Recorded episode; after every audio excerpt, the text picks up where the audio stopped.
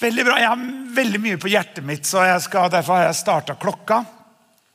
Eh, og klart at Vi har jo som sagt begynt nedtellingen. Dette er nest siste gangen jeg preker som eh, pastor for, sammen med Hille for Østfoldkirken. Den siste søndagen eh, før overtagelsen har jeg satt meg selv opp til å preke. Det er søndag 4. september. Og Da kommer jeg til å snakke om dette at alt har sin tid at det er en tid for alt. å vise hvordan på en måte, For er det en ting vi både Hilde og jeg opplever veldig klart, at dette er rette timingen og det er rette tiden og, og det å gi over til uh, neste generasjon, til Hanna og Kenneth. Så jeg skal, ikke, jeg skal snakke mer om det. Men det er 4. September, søndag 4. september. Også som sagt så er det pastor Åge Oldeskjær som har selve innsettelsen av, Åge, uh, av, av Hanna og Kenneth. Og så har vi fest på lokalet altså her på Ryggeveien for alle aktive menighetsmedlemmer. Så hvis du ikke er medlem, så må du bli medlem, for da får du være med på festen.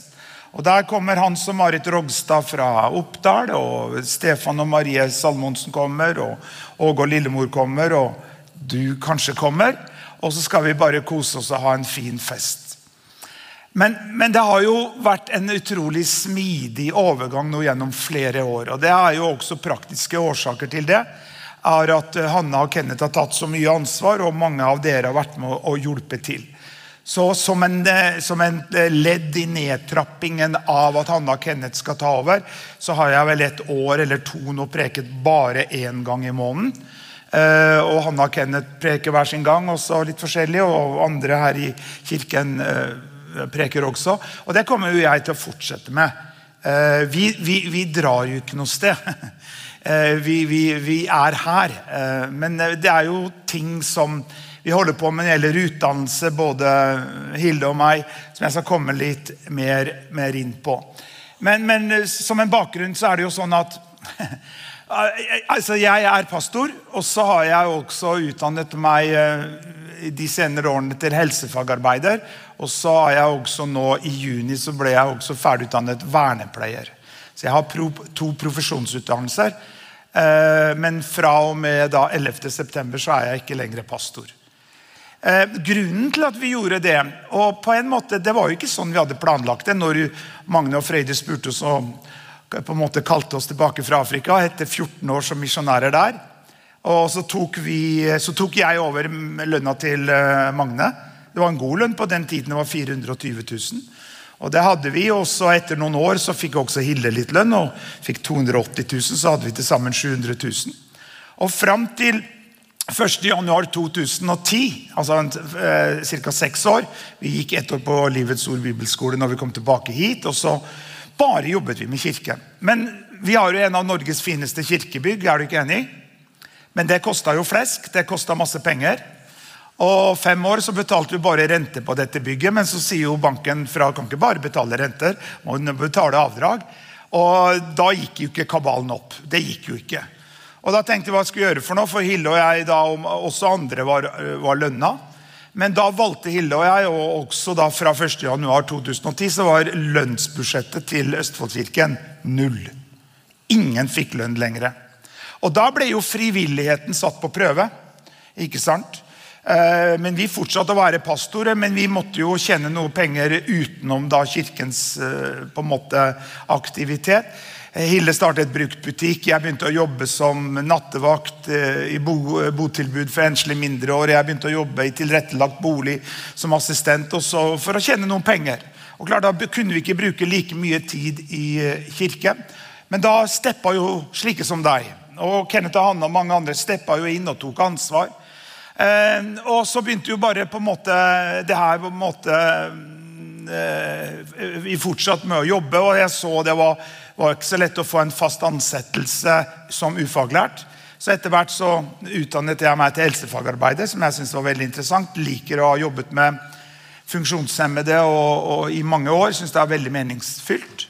Og så Mens jeg også jobbet da både innenfor barnevernet som våken nattevakt og som helsefagarbeider, så begynte jeg på vernepleien på Høgskolen i Østfold. Og ble ferdig nå i juni mens jeg jobbet over 100 og var pastor. Og Folk tenker får du tid til det? Ja, takket være slike som dere. Som tar sånn ansvar. For dette er et teamarbeid, ikke det? Men det som er da, altså det her litt sånn spesiell vinkling for å se hvordan det går. Men la meg også si det her, takk for alle dere som hører på og ser på disse programmene. Vi er veldig oppmuntrende fra nær og fjern, og folk har sett oss på TV og hørt oss på podkast og sosiale medier og, og YouTube osv. Det er veldig oppmuntrende å få tilbakemeldinger eh, på, på det som vi legger ut. Eh, det som er, Når du utdanner deg til en bachelorgrad og la meg si det sånn, Hilde er nå ferdig, bare som, så du skjønner at Hilde og jeg vi har det bra. og, og liksom Hvordan skal gå med Erik og Hilde? Nei, det her kommer til å gå veldig bra. Hilde er jo da i ferd med å ta en lærerutdannelse. Det tror jeg Ida, rektoren vår, sin skyld. For Hun spurte for mange år tilbake om hun kunne begynne å ta noen uh, timer i tysk. Uh, på skolen vår her. Ja, Tro det eller ei, Hilde snakker tysk òg. Ja, Og trøndersk. Det gjør vi hjemme. Uh, og Så begynte hun å jobbe som assistent, og så begynte å rulle på seg. og Ida har jo utdannet seg som lærer og, i voksen alder, og han har gjort det. Så begynte Hilde også på USN, på Universitetet Sørøst-Norge på Notodden. På en femårig masterutdannelse. Hun er ferdig med tre år og har to år igjen.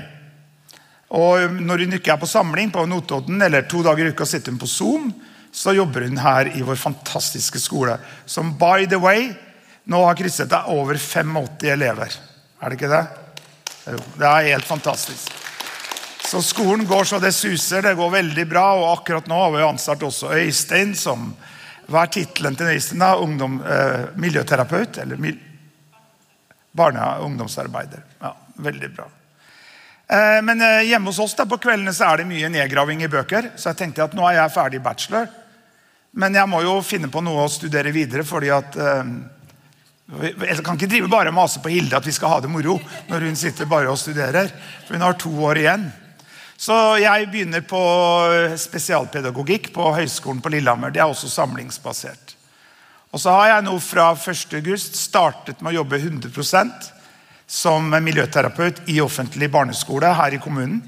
Som også har et ressurssenter som er spesialskole for utviklingshemmede barn. Og jeg syns det er helt fantastisk. I tillegg til at jeg jobber også i barnevernet i en annen kommune.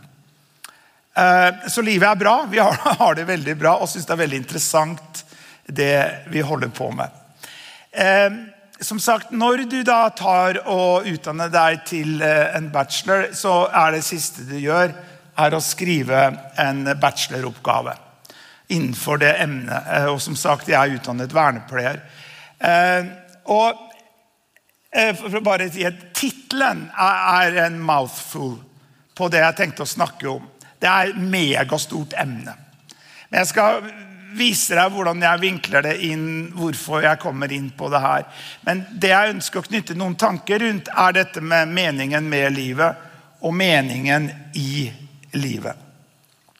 Og Grunnen til uh, det er at uh, det kom meg Jeg fikk høre og, og visste om at uh, i forbindelse med at man jobber i tilrettelagte boliger, jobber i institusjoner med folk med forskjellige ymse behov, med folk som er utviklingshemmede osv. Så, videre. så midt under koronaen så var det en ung mann som ikke hadde det så bra. Han var lettere utviklingshemmet, men på det verste så var hans dagtilbud stengt ned. Han fikk ikke lov til å gå ut og mingle med andre folk pga. koronafaren. Han fikk ikke gå på treningsstudio, han fikk ikke besøke foreldre, han fikk ikke besøke besteforeldrene. Eh, og han hadde det ikke noe bra. Satt der og trøkka i sin bolig i en institusjon. Og Det førte til at gjentatte ganger så prøvde han å tenne på boligen. Med full utrykning med politi og ambulanser og uh, tømming av boliger med mange andre brukere som mange ganger som er veldig redusert og kunne ikke gå selv osv. Og, så og midt på natta og bla, bla, bla. bla. Eh, for å gjøre en lang historie kort så Til slutt så spurte politiet, eller om det var legevakta som også kom, hvorfor gjorde du det? Og Da svarte han jeg kjeda meg. Og Da var det noe som trigga en interesse i meg. Eh, at hvor mye atferdsproblematikk har man i institusjoner. Også, du vet at I ordets rette definisjon så er også en kirke en institusjon. Det kommer an på hvordan du definerer en institusjon. En skole er en institusjon. Sant? Du har sykehjem, eh, et fengsel, du har uh, aldershjem osv. Er jo på en måte en institusjon. Men i erfaringen med dette så begynte jeg å tenke hvor mye utfordrende atferd har sin årsak i at mennesker kjeder seg. Så jeg tenkte dette vil jeg se litt mer inn i. Så jeg bestemte meg å skrive en bacheloroppgave eh, om kjedsomhet i institusjoner. Og Problemstillingen som du måtte lage, da, det var dette Kan ulike modeller av meningsfull aktivitet minske kjedsomhet i institusjoner? Og Jeg eh, gjorde det man kaller en narrativ litteraturstudie. Hva faglitteraturen sier om emnet. For som sagt, At jeg har tatt en profesjonsutdannelse, det er ikke det man kaller en kristen utdannelse, selv om det er veldig mye innslag av dette. Men jeg måtte jo skrive den akademisk, for den skulle godkjennes. Og jeg fikk nest høyest karakter på besvarelsen. Jeg fikk en B. A er det beste, så jeg er godt fornøyd. Jeg skrev den alene. Mange andre skrev sammen med noen, men jeg skrev den alene. Men det virkelig fanget min interesse. For å si det sånn, jeg elsker å studere. Jeg elsker å granske. Noe av det som jeg har elsket i alle årene, er når man setter seg ned og forbereder seg til preken eller et foredrag. eller hva det skal være for noe. Og så blar jeg ut bøkene og googler og leser og understreker og ordner powerpoint og, og holder på. For i den prosessen så lærer jeg så mye. Jeg er jo nå 60 år. Så på Teams på den skolen jeg jobber, så står det 'vernepleier med særalder'. Så gammel er jeg. Vernepleier med særalder, står det. Anyway. Men la meg bare skyte inn. Hilde og jeg har bestemt oss for å jobbe til vi er 70 år. da. Vi bodde jo 20 år i utlandet, så vi, vi må jobbe noen år ekstra. Men det, vi syns jo det er moro, da. Uh, for også å kunne da gå av med pensjon osv. Uh, ja, bare for å skyte inn med det. Nei, men, uh, så jeg begynte å lese. Og da må man gå inn i faglitteraturen. Du må gå liksom inn i og så må du, det er Referansene det er jo, Du skriver på Beate vet jo dette, og Dan, som er eh, forskerne over alle forskere, skulle si, og dette med å skrive i apastil osv. Men det fanget min interesse dette med denne problemstillingen, dette med om kjedsomhet i institusjoner. Og da kan man jo, så Til og med kan man da komme kjedsomhet i skolen, kjedsomhet i kirken, kjedsomhet i ditt eget hjem. Eller kjedsomhet i ditt eget liv. Og hva fører til? Og Hvis man skal da ta denne problemstillingen, kan ulike modeller av meningsfull aktivitet minske kjedsomhet i institusjoner, så begynte jeg jo da å søke og, og, og se hva litteraturen sier. Og klart jeg, jeg, måtte, jeg søkte jo også hva Bibelen sa, og måtte fletta inn flere ting angående det i besvarelsen. Men da begynte jeg å se hva er mening? Hva er meningsfull aktivitet? Ja, hva, hva er kjedsomhet? Og, og, og, hva er en institusjon? Og ja, Det er masse bøker jeg fortsatt ikke har lest. Men jeg skal bare nevne noe av det. Så Noe av det som står her, har jeg tatt fra min egen bacheloroppgave. Derfor er kilden. Det, det, er mitt eget. da. Men det er en mann er, som kalles for logot, logoterapiens far. Han er en jøde som er død nå. Han heter for doktor Viktor Frankl. Han er utdannet psykiater. og La meg bare nevne en historie rundt han. Han bodde i Østerrike. og Var en av eh, mest ledende psykiaterne eh, i verden på den tiden. Og når da Hitler var i ferd med å komme til makten i Tyskland, på slutten av 30-tallet, så fikk han tilbud om å flykte til Amerika. Amerikanerne tilbød han altså at han skulle få amnesti og få visum og få komme til Amerika for å flykte fra, eh, eh, fra Tyskland, i og med at han var jøde og hans familie var jøde. Han lurte på om han skulle gjøre noe. Og Så ble synagogen som de gikk eh, i Østerrike, bombet sønder og sammen. Og Han lurte sånn på hva han skulle gjøre, fordi han hadde hans foreldre var gamle, de, og de kunne ikke dra til Amerika. og Han lurte på hva han skulle gjøre. Skulle han dra fra liksom sine foreldre osv.? Og når han gikk inn i ruinene der på denne synagogen som hadde blitt bombet der i Østerrike, jeg vet ikke hvilken by det var, så fant han en liten bit av antagelig altertavla et eller annet, et hebraisk tegn. Og han visste at det var fra Moseloven. Og det var ut ifra dette hvor det står du skal hedre din far og din mor. Og det skal gå deg godt, og du skal leve lenge i landet. Og Det tok han som et tegn at han ikke skulle forlate Østerrike. At han skulle forbli der, ta hånd om sine foreldre. Og Det som da skjedde, var jo at både foreldrene og han og mange av hans familie ble satt i konsentrasjonsleir. Og hans foreldre døde jo der. Men han på nesten mirakuløst vis overlevde. Så han skriver Jeg driver og leser en bok som heter 'For viljen til mening'. Han har også da skrevet om dette med mening og osv. Jeg bare nevner dette som jeg blant annet skrevet i min bachelor, at meningen med livet har stor betydning for hvordan vi har det, og hvordan vi håndterer store påkjenninger og kriser i livet. Viktor Frankels bok 'Vilje til mening' beskriver hans opplevelse som fange i tysk konsentrasjonsleir under krigen. Frankel skriver at når alt hadde blitt tatt fra ham av materielle goder, var det én ting han beholdt, og det var friheten til å velge holdning til den situasjonen han var i. Han hevdet at det viktigste for en person er å finne mening og livsverdier. Så hva er det han sier? Jo, du kan ikke kontrollere hva som skjer med deg.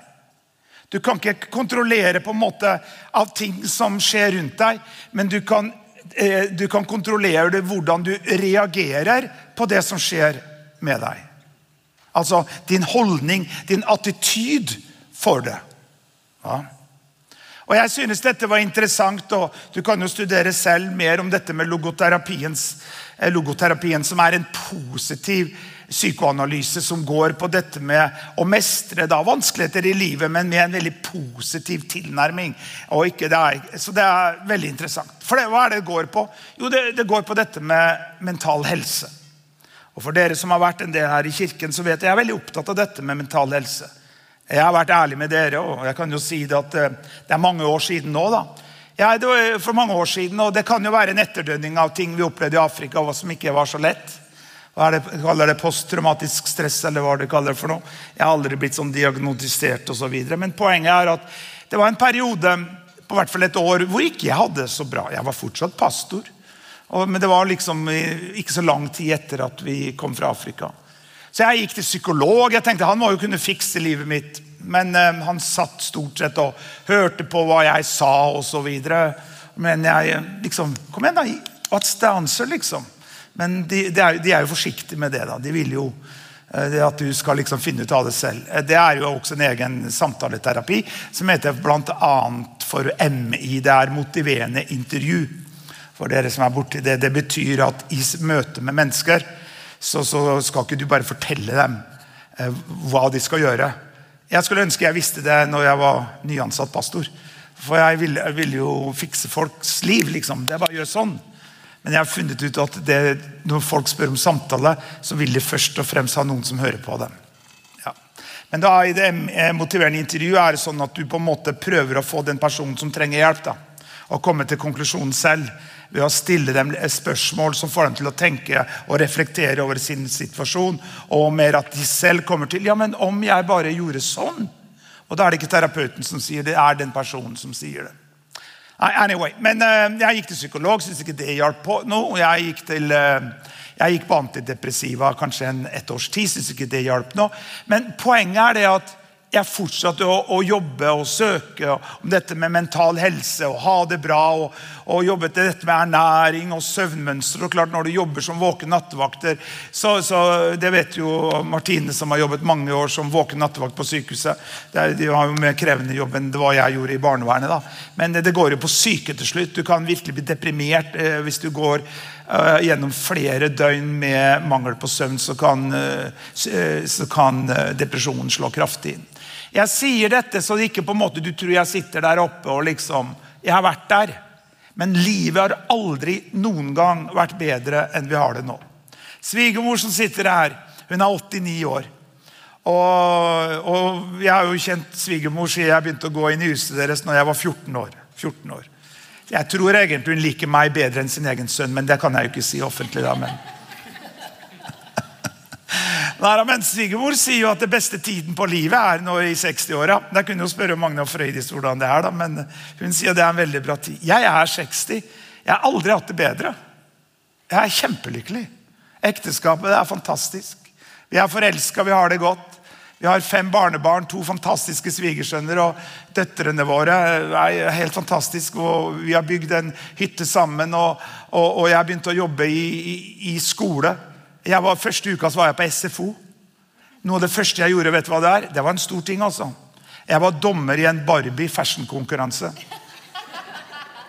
Eh, ansvarsfullt. Vi var fem dommere som skulle gi karakter på et Barbie fashion show. I loved it!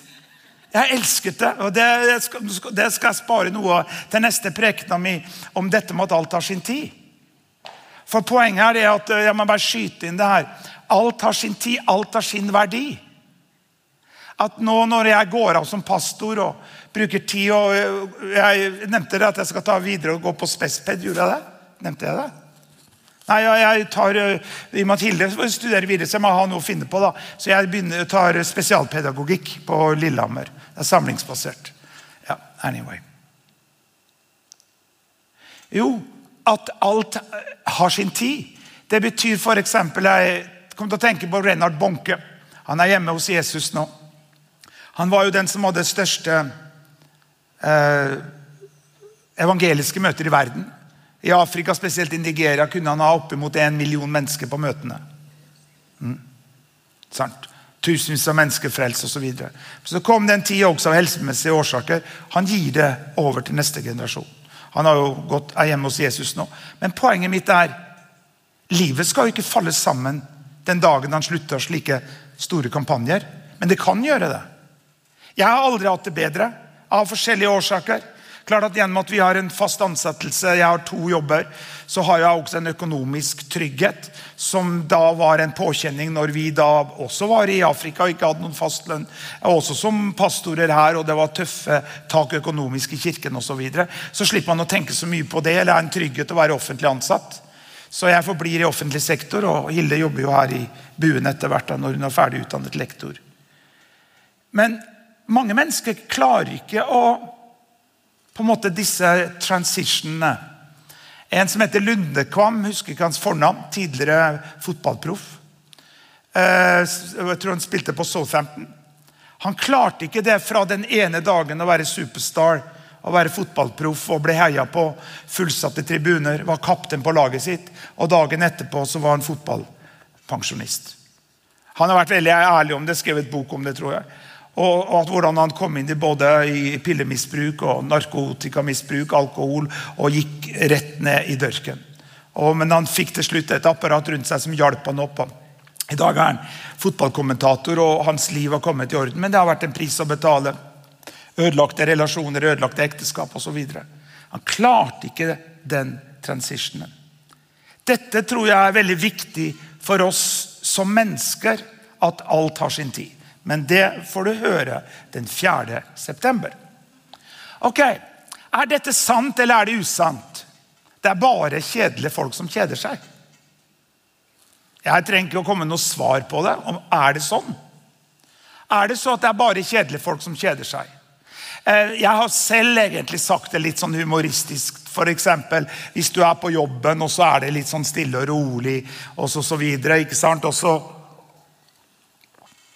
blir noen av personalet kanskje litt stressa over at du må ikke kjede deg, du kan jo gjøre det eller det også. Så jeg, jeg kjeder meg aldri, sa jeg. Jeg kjeder meg aldri. Har bestandig med en bok eller det er ting du kan gjøre. Og da har jeg litt sånn fleipete sagt at det er bare kjedelige folk som kjeder seg. Ja, er det? Er det sånn? Men når vi snakker om kjedsomhet, og dette er faglitteraturen som jeg har søkt i, og de kommer fram til at når det gjelder kjedsomhet, så er det to forskjellige typer av kjedsomhet. Det er det bare ene man kaller for situasjonsavhengig. Det betyr man er avhengig av ytre faktorer. Og husk, du har Et bakteppe på det her er at min bacheloroppgave var om kjedsomhet i institusjoner. Men du kan ta det lengre, bruke det inn i din setting. Når er det du kjeder deg? Kjeder du deg noen gang? Hva, hva er det som gjør at du kjeder deg? For det som er, som jeg tror, er at veldig ofte om man kommer i, over en lengre tid inn i kjedsomhet, inn i monotoni, så banker depresjonen på døra. Tungsinne. Så dette er litt viktig for at du kan forstå litt hvorfor du tenker som du tenker, hvorfor du føler som du føler. Og la meg bare skyte inn, Det er ikke dine følelser som er ditt problem, det er hva vi hele tiden går og tenker på. For som Ordspråksboken 23,7 sier at slik et menneske tenker i sin sleder, slik er man. Det, det, og jeg har jo det etter hvert her skal vi se, jeg kommer til det, er jo at det du er fokusert på, vil jo også influere hva du føler. Du kan forandre din måte å føle på gjennom å forandre din måte å tenke på. En situasjonsavhengig kjedsomhet er at man kjeder seg pga. at man syns det er kjedelig rundt den. Så for eksempel, Hvis det er et monotont miljø og klart I og med at jeg har jobbet så mange år i institusjoner, eh, tilrettelagte boliger, så ser jeg jo mennesker som kan bli veldig tungsinn, og mennesker som på en måte klarer at de, Noen kan sitte og spille yatzy med seg selv hele dagen. ikke sant? Og Mange av de som bor i slike boliger, de betalte en høy pris eh, for, i, i, i, gjennom koronaen. For det er mennesker som har egen, egen bil, men uh, selv om de aldri kan kjøre en selv. De fikk ikke engang lov til ut å kjøre. Kunne ikke gå på butikk osv. For mange mennesker så kan du snu mange ganger humøret til en person som ikke har det så bra, ved at du bare tar dem ut på kjøpetur og kjøper en is eller går på butikk osv. Og, så videre, og kommer tilbake og 'Hei! Hei, Erik!' Og er en helt annen person enn som var, ikke hadde det noe bra når man dro ut. Hva er det for noe? Det er situasjonsavhengig. Det er ytre faktorer som kan gjøre at det blir forandra, så at vi får det bedre. Hva?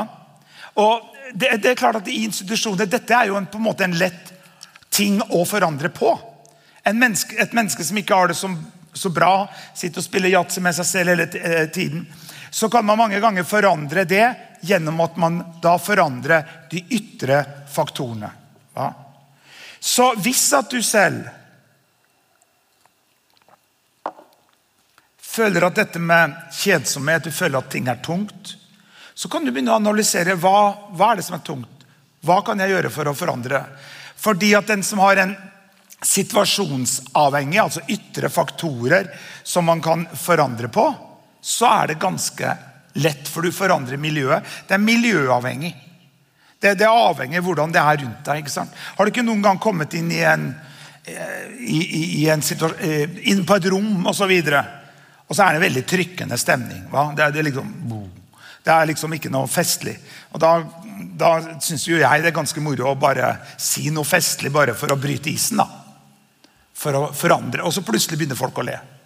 Plutselig blir det en helt annen atmosfære. Har du merket Det Det er kjempemoro å gjøre. Take charge. Ta, ta, tak i det. Forandre den situasjonen. Men det andre er at det som er situasjonsuavhengig det, da er det indre faktorer i det mennesket som gjør at man da ikke har det noe bra. Altså at man kjeder seg. Og det går jo på vårt indre liv, ikke sant? Og Det går jo på dette med mental helse, det går på hvordan vi har det. For, og Da kan man jo si det som så at når vi snakker om sant eller usant, er det bare kjedelige folk som kjeder seg. Ja, Men den som ikke har det så bra, har det ikke noe bra noe sted. Da er det det som da jeg snakker om her, eh, de, indre faktorer. Hva betyr det? Jo, Hvis jeg hadde da dratt på en øde øy, så måtte jeg likevel vært der alene med meg selv. Og, og jeg, så Derfor sier jo Bibelen at du skal elske din neste som deg selv. For elsker du ikke deg selv, så vil du ikke være i stand til å elske din neste. Forkaster du deg selv, så vil du forkaste din neste. Har du ikke merket noen gang når de gir komplimenter til noen mennesker, hvor vanskelig det har for å ta imot. Ikke sant? Men da skal vi si tusen takk. Så situasjonsuavhengig, denne indre faktoren, det er jo noe som man må jobbe med. For Det betyr at selv om det er perfekte omstendigheter, perfekte omgivelser, så vil man likevel kjede seg eller ikke ha det så bra. Dette er jo en preken, er det ikke det? Så jeg må jo ha noen bibelvers her, så ikke du tror at dette er bare en, eh, et foredrag.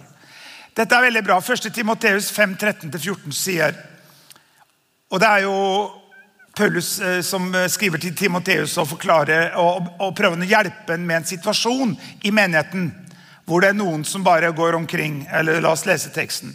Og Dessuten lærer de lediggang, og de går rundt fra hus til hus. Og de går ikke bare ledige, men de sladrer, legger seg opp i andres saker og sier ting de ikke burde.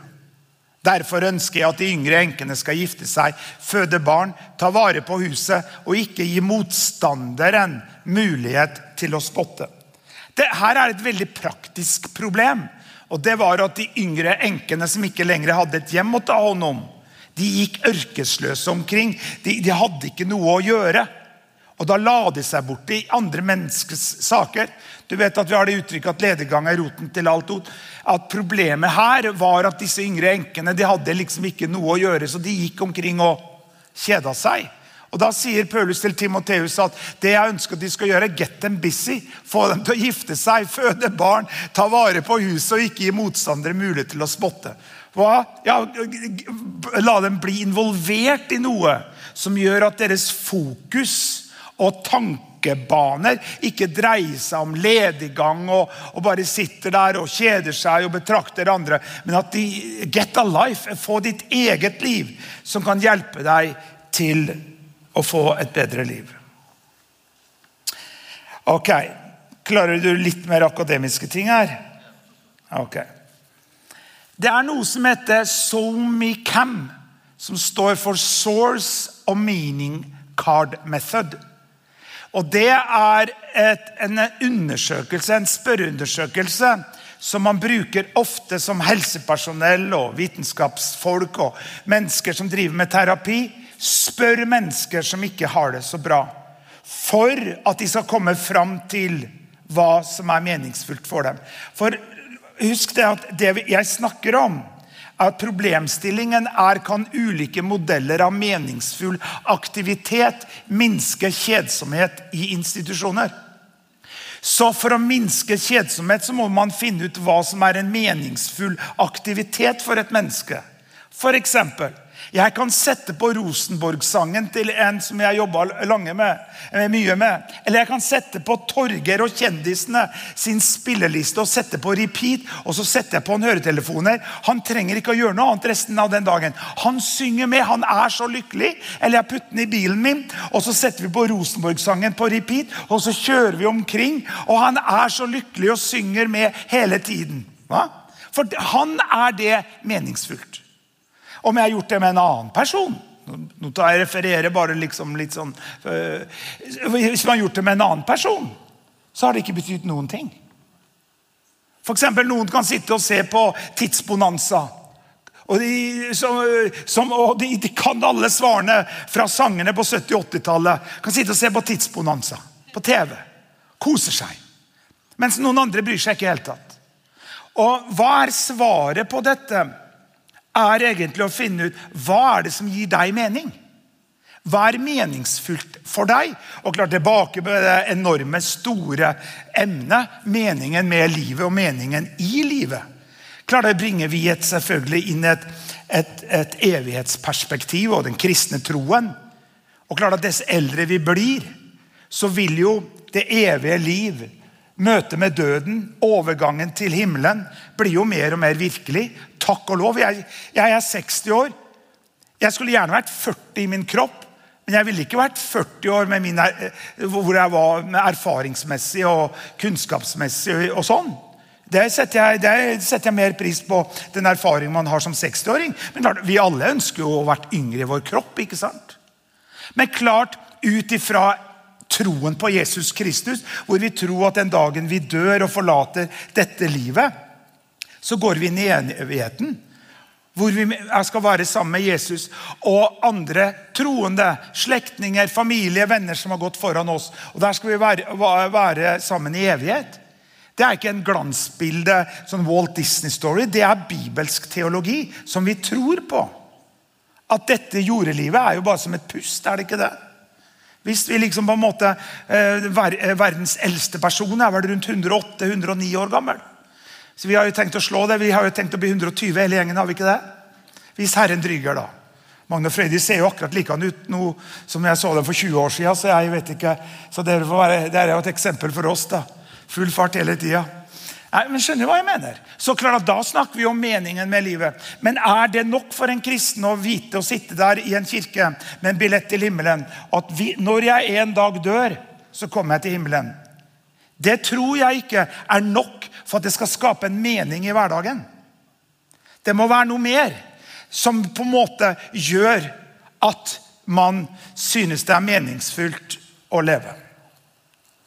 Ok, Da har vi vært inne for det. Skal vi Jeg tror ikke jeg tar meg tid. Jeg har en lang tekst her. Den tar vi en annen gang. Men angående dette so we kan, da. Så kom de fram til i den Var det litt lite? Nei, du ser det der. Um, I denne spørreundersøkelsen altså Du vet at du lager spørreundersøkelser. ikke sant? Også ut ifra denne spørreundersøkelsen så kategoriser For da, da, var liksom eh, hva alle spørsmålene var, men, men, spørsmålene gikk jo på dette hva, eh, ja, eh, Overskriften var 'kilder til mening'. Hva er din kilde til mening? Hva er, hva er meningsfullt for deg? Sant? Så spurte de tusenvis av mennesker hva er meningsfullt for deg. Hva gir livet mening for deg? Sant? Og Så fikk de masse svar, og så kategoriserte de svarene i seks forskjellige grupper. Eh, og De seks gruppene er en, velvære og relasjon. Og Det om å ha det godt med seg selv og med andre mennesker. Og om, om å, og å bidra med å gi og få i fellesskapet. To orden og tradisjon. Å relatere til det som er velprøvd, og være enig i varige verdier. Tre vertikal sendt Eh, selvtranscendering. Den åndelige, religiøse siden av livet. En orientering mot noe overnaturlig. Fire, horisontal selvtranscendering. Å orientere seg mot ting i verden som er utenfor ens egne personlige behov. Som sosiale forpliktelser og forhold til naturen rundt oss. Fem, liberalitet. Det er en individuell og innoververt dimensjon der frihet står sentralt. Og nummer seks gjennomføring. Her er fokuset å oppnå ting ved å bruke sin iboende kapasitet og sine ressurser. Dette er tatt fra Sørensen, som har skrevet om dette.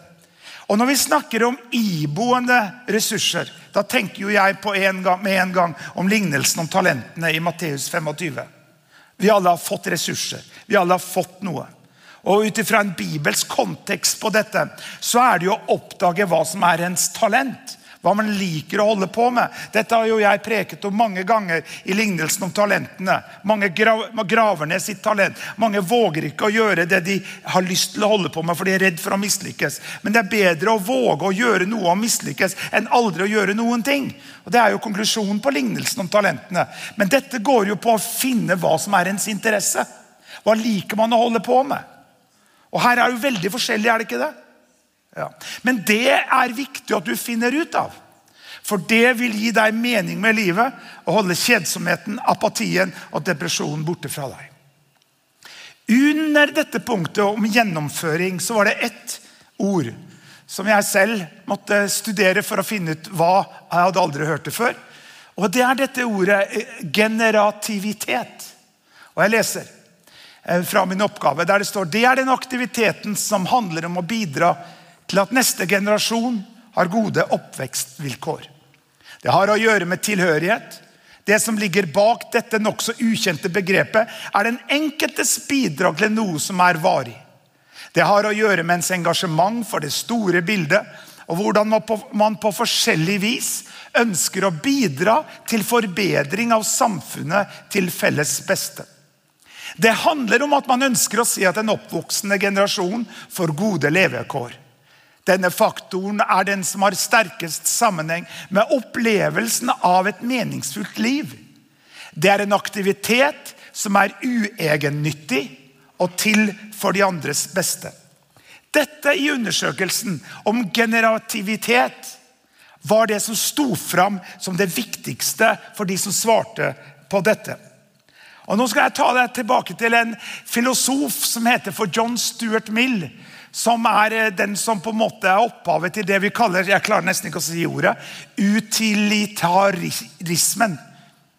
Og Her sa han i 1863 Hvis du får tilfredsstilt de fleste av dine materielle behov, og likevel ikke finner livet tilfredsstillende nok til at det virker verdifullt, er det vanligvis fordi du ikke bryr deg om noe annet enn deg selv. Ja, det er ikke mine ord. Og dette, når vi snakker da kan bare lovsangene komme fram. Om meningsfull aktivitet.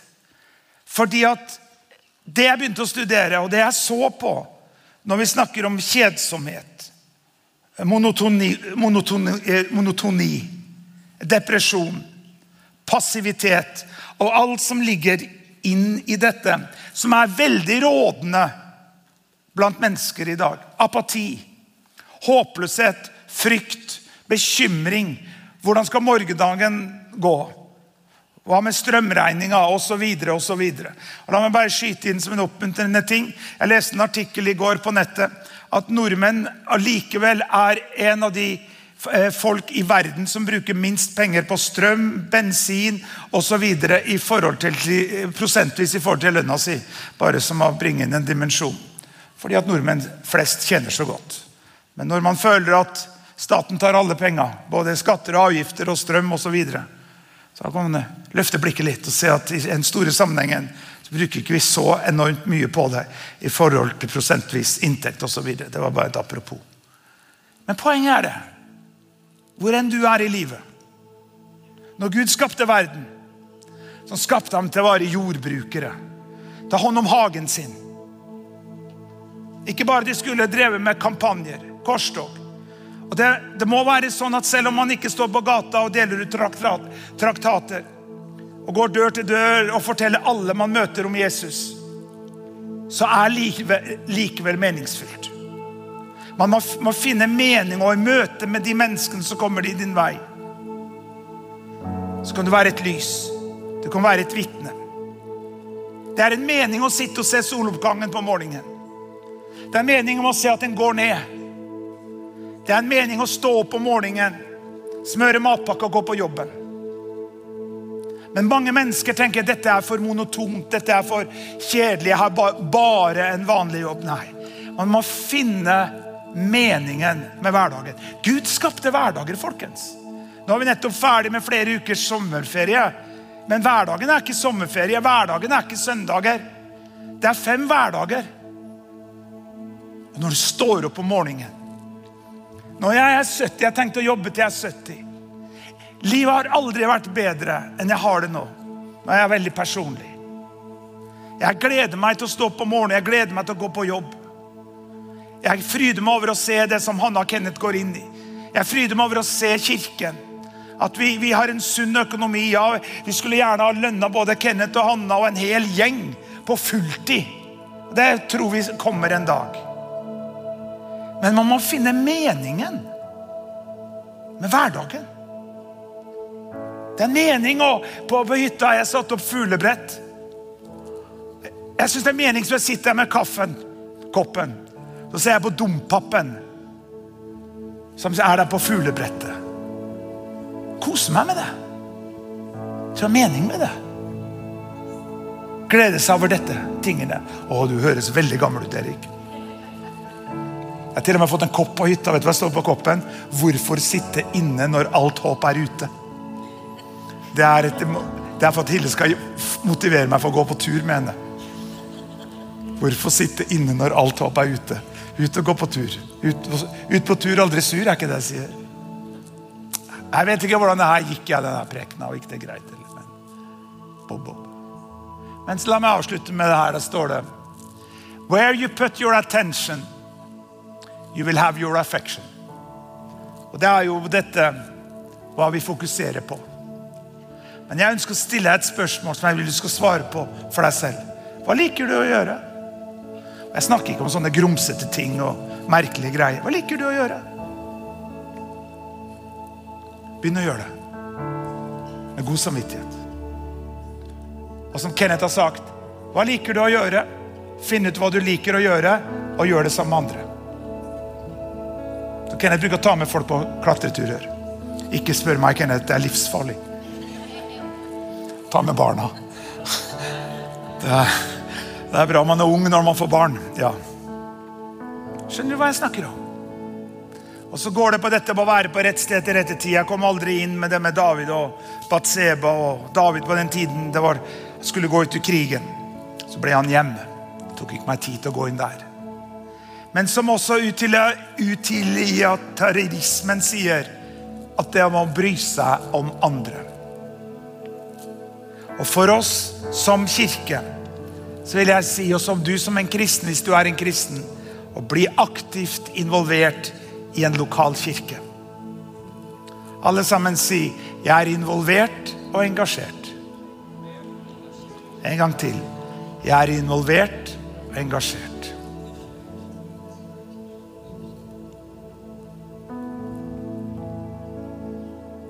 Ta det som et varseltegn hvis at du altfor ofte kjeder deg.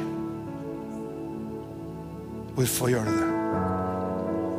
Du kan bryte det. Finne glede i de små ting. Les et dikt for deg selv.